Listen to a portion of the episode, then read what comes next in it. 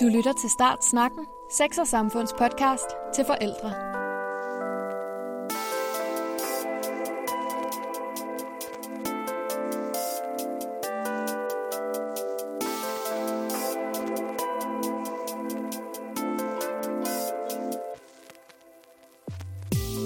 Mit navn er Karoline Ry, og til det her allerførste afsnit af Start Snakken har jeg været ude at tale med forældre og eksperter om børn og køn. Første afsnit, som du lytter til lige nu, handler nemlig om, hvilke forventninger vi har til vores børn i forhold til deres køn. Hvad forventer vi egentlig af henholdsvis drenge og piger?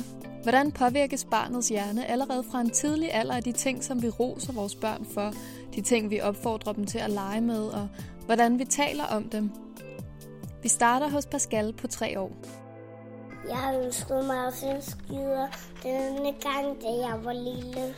Så fik jeg en lille skider. Pascal bor sammen med sin mor, far og lillesøster i deres hus i Nørre Sundby. Jeg er taget på besøg for at tale med Pascals mor Mathilde om, hvordan hun oplever sine børns forskellige måder at udtrykke deres køn på. For Mathilde og hendes mand Bjarke er det meget vigtigt, at Pascal og hans lillesøster Ada har de samme muligheder, selvom de har hver deres køn.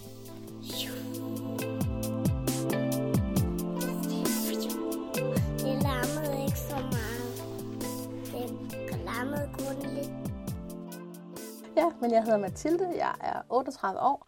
Jeg bor i Nørre Sundby med min mand og vores to børn, og vi har en søn på 3 år og en datter på 2 år. Der er 13,5 måneder mellem dem. Altså, vi har Pascal, som jo er 3,5 år. Han er en meget følsom dreng, øhm, men det er hans far også. Det er især, når han kommer nye steder hen, så skal han lige vende sig til det, og vi fandt ud af i børnehaven, og også i vuggestuen faktisk, at hvis han kan blive afleveret, før der kommer alt for mange børn, så har han det bedst med det. Og vores datter, hun er sådan mere ligesom mig. Hun er mere sådan, ja ja, gå på mod, og masser af mennesker og kommer ind i vuggestuen og smiler og siger hej, hej, hej, hej, hej til alle sammen. Og jeg ved ikke, om man kan sige udadvendt i den alder. Hun er blev to i december, ikke? Øh, men, men måske lidt mere udadvendt end vores søn og deres far.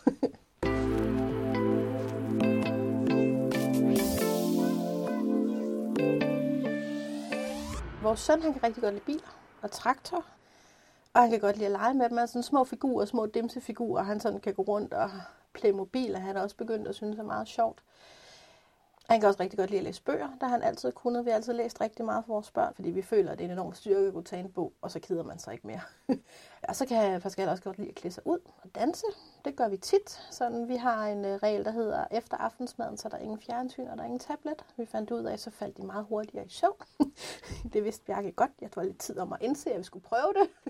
Men så prøvede vi det, og det virkede. Så vi sætter tit musik på om aftenen, og så kommer Pascal med udklædning og siger, at man kan altså ikke danse uden tylskørt på. Så tager vi alle sammen tylskørt på og danser. Det er rigtig hyggeligt. så fejrer vi tirsdag på den måde.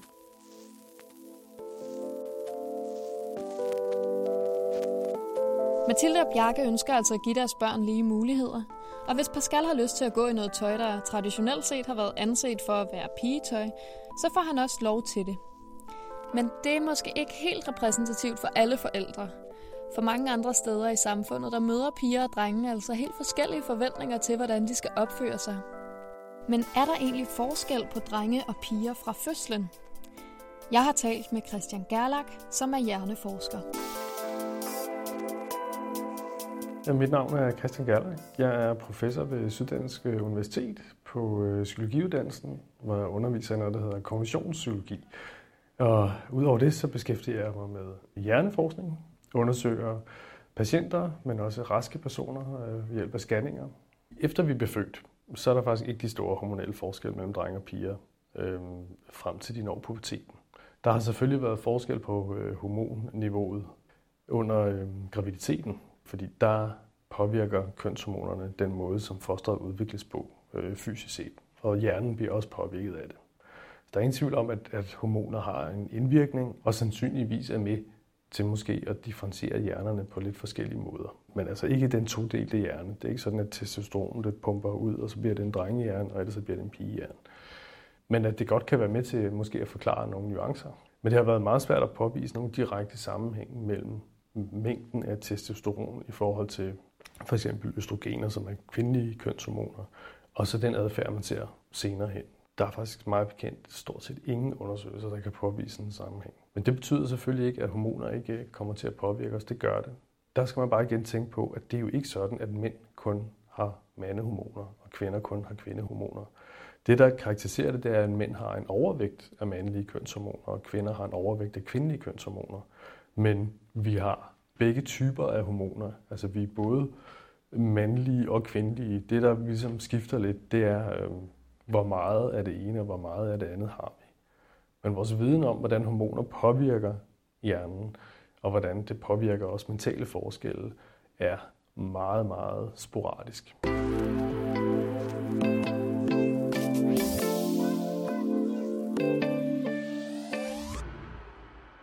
Kønshormonerne ser altså ikke ud til at kunne forklare særlig meget i forhold til de forskelle, man kan opleve mellem kønnene.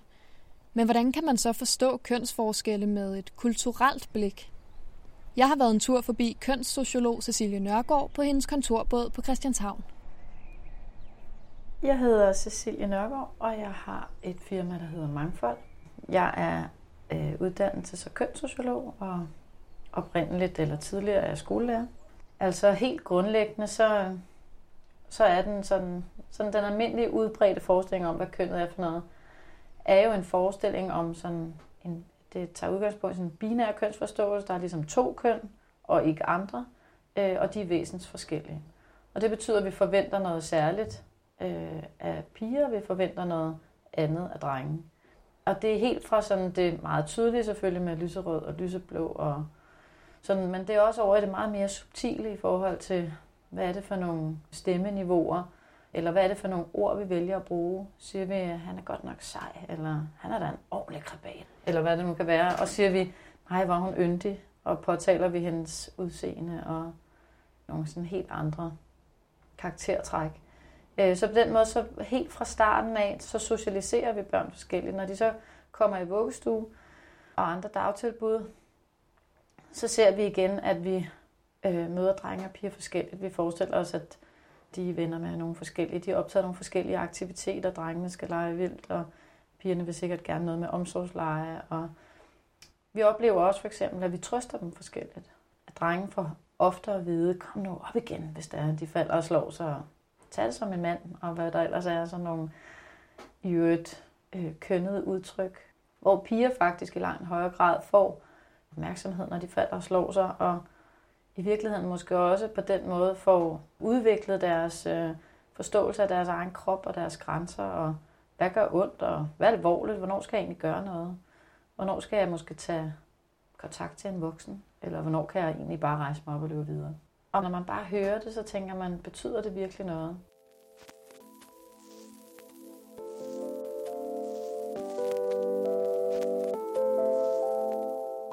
Ja, betyder det virkelig noget? Altså, hjerneforsker Christian Gerlach sagde jo, at kønshormonerne faktisk ikke kan forklare de forskelle, som vi kan opleve mellem kønnene. Og kønssociolog Cecilie Nørgaard siger, at vi lærer børn at opføre sig på bestemte måder gennem de forventninger, vi har til dem, og den måde, vi taler med dem fra de er helt små.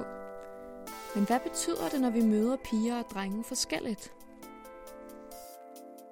Hvis man tænker over det som sådan en lang fortælling, over det samme mønster, fra børnene ligger inde i maven, til de kommer ud, til de er i dagtilbud, til vi oplever i skoler, at vi også øh, kønsopdeler, eller ikke stiller os kritisk over for kønsstereotyper i undervisningsmaterialer, eller hvad det er, vi nu gør. Er det ligesom er den samme fortælling, det hele er rundet af, så er det det måske på en eller anden måde virker tydeligt, at vi er medskabere af de stereotype køn, som vi ser i voksenlivet.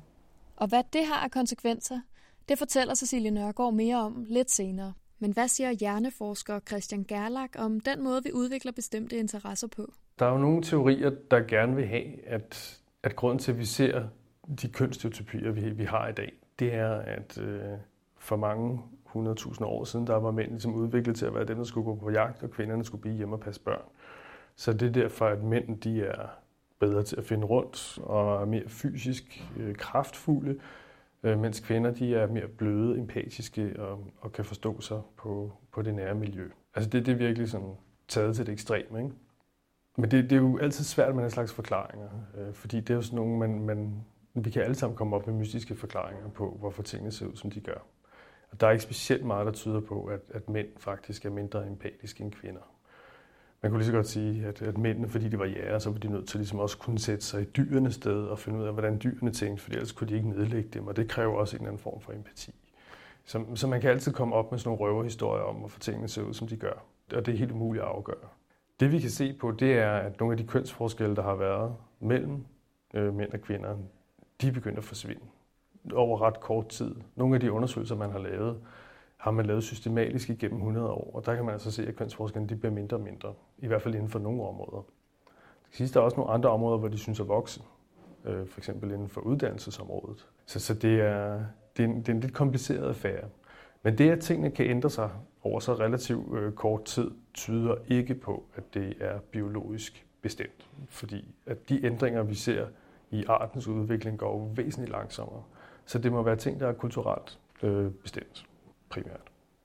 Christian Gerlach og Cecilie Nørgaard er altså enige om, at de kønsforskelle, som vi møder, primært er opstået gennem vores kultur.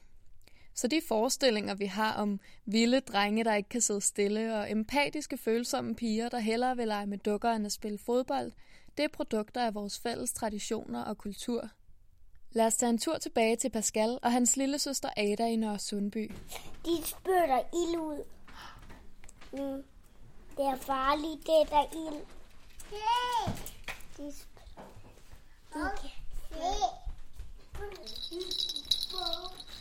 Til første lavn ville han gerne være ridderprinsesse. Så syede jeg en prinsessekjole til ham. Fordi det skulle han da have lov til. Nu synes Ada, det er hendes tur til at få en kjole. Hun fik en superheltekappe, for hun ville være superhelt til første lavn. Og på den måde prøver jeg heller ikke at præge dem, når han siger, at jeg vil være ridderprinsesse. Ah, vil du ikke heller bare være ridder? Nej, hvis han vil være ridderprinsesse, så skal han have lov til at være ridderprinsesse. Men jeg prøver også meget, og det er Bjarke, der har fået mig til at indse det. Mine børn skal ikke være min spydspids i min kamp for ligestilling.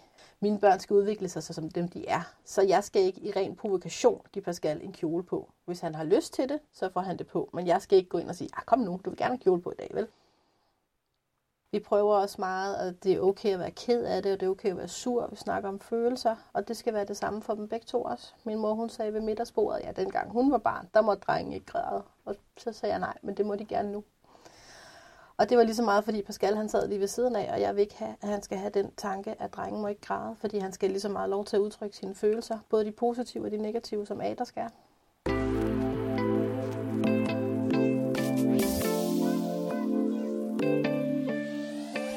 Pascal var altså klædt ud som ridderprinsesse til første lavn, og ikke bare ridder, som vi ellers typisk ville forbinde med drenge.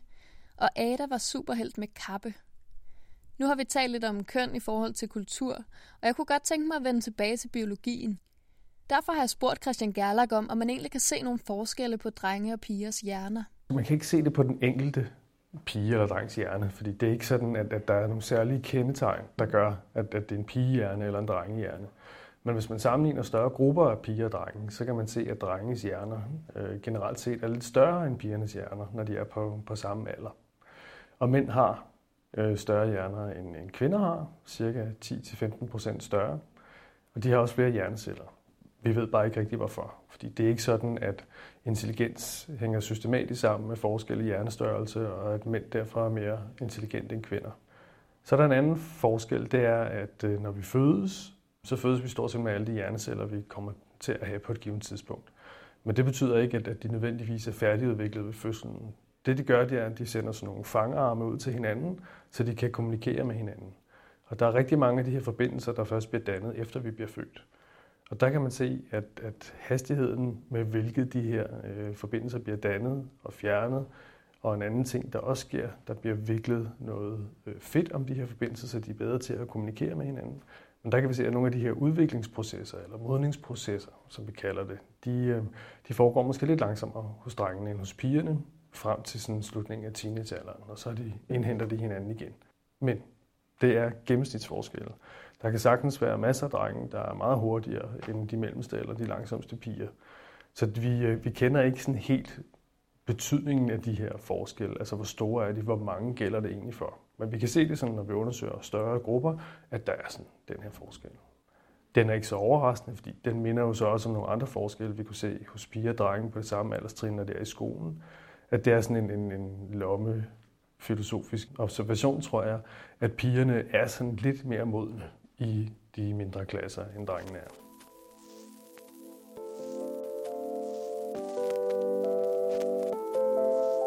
Okay, så hjerneforskningen viser altså, at drenges hjerner generelt set er større end pigers, og til gengæld så udvikler pigernes hjerner sig hurtigere end drengenes. Men samtidig så siger Christian Gerlach også, at der ikke er nogen særlige kendetegn ved en hjerne, der viser, hvilket køn den tilhører. Så hvis man bare sammenligner en drengs og en piges hjerne en til en, så vil man altså ikke kunne se, hvis der er hvis. Lad os vende tilbage til kønssociolog Cecilie Nørgaard. Helt grundlæggende, så mener jeg, at der er forskel på mennesker. Og helt grundlæggende mener jeg, at vores opfattelse af, hvor meget kønnet betyder, fylder alt for meget. Kønnede stereotyper er en kæmpe barriere for udvikling af identitet, udvikling af trivsel, udvikling af læring, udvikling af talent. Vi ved, hvad det gør at møde børn stereotypt i dag. Vi kan se, hvad det har gjort. Vi kan se, hvordan det skaber øh, stereotype uddannelsesvalg, hvordan det skaber stereotype arbejdsmarked, hvordan det skaber øh, kønnet vold, hvordan det skaber mænd, der klarer sig dårligt i sundhedsstatistikkerne, hvordan det skaber alle mulige kønsstereotype effekter. Så vi, vi burde være blevet klogere.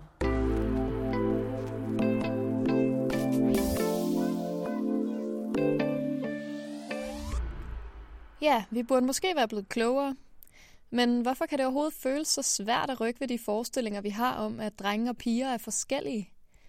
Christian Gerlach taler om det, der hedder en confirmation bias.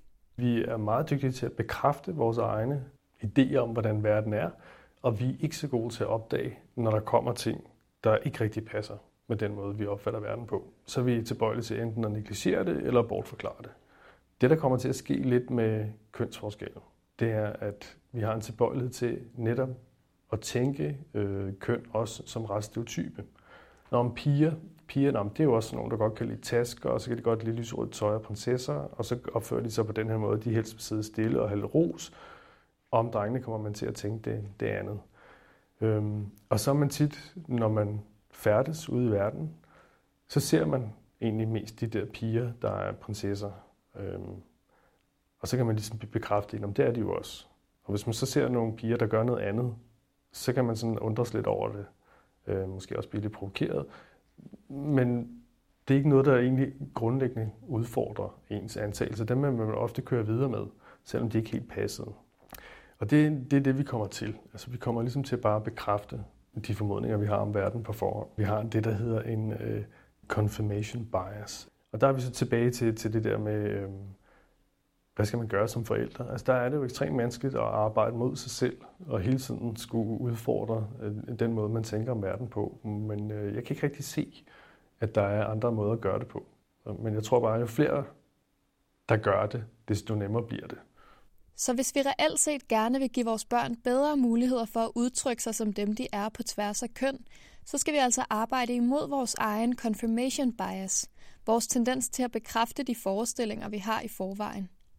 Cecilie Nørgaard mener, at man skal snakke med sine børn om køn, og lære dem at stille spørgsmål ved de kulturelt kønnede normer, som de møder. Det kan også være, at ens barn kommer og siger et eller andet super stereotypisk. Det gør det jo som regel, fordi de er en del af den kultur, og så kommer de hjem, og så siger de øh, et eller andet meget stereotypt.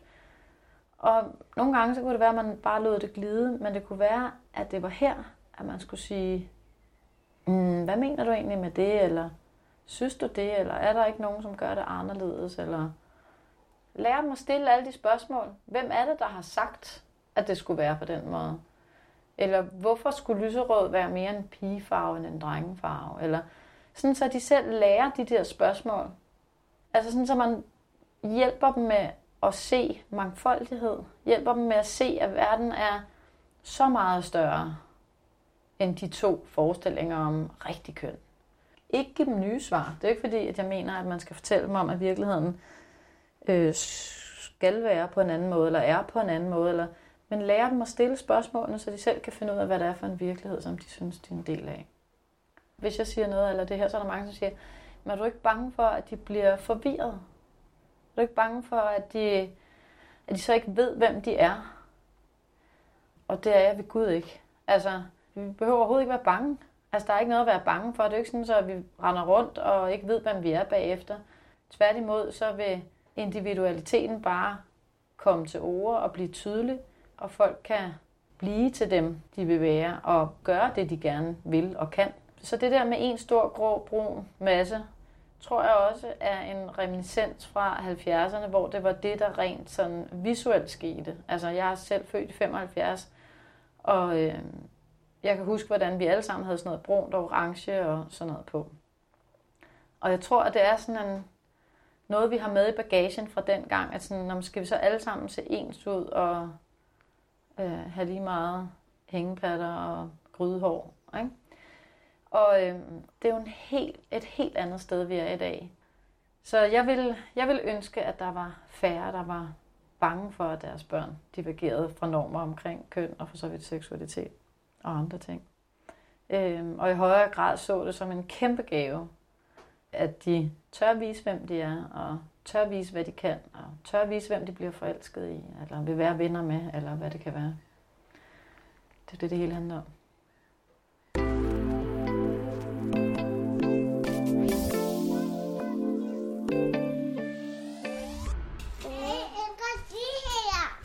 Har du fundet biler? Det er vores biler, men du må ikke taget noget af legetøjet med hjem. Nej, jeg må ikke tage det med hjem. Nej. Du må kun låne det. Må jeg godt låne det? Er lidt.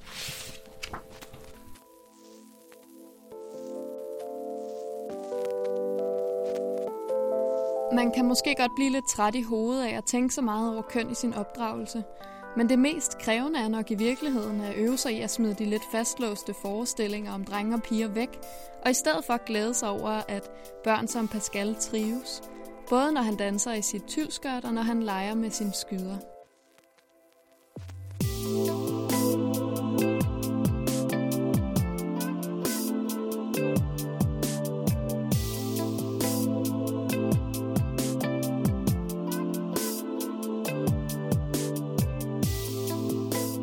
Her var første afsnit af Start Snakken, Sex og Samfunds podcast til forældre. Du kan finde mere inspiration om børn og køn på Sex og Samfunds forældresite, sexogsamfund.dk-forældre, hvor du også kan abonnere på vores gratis webmagasin.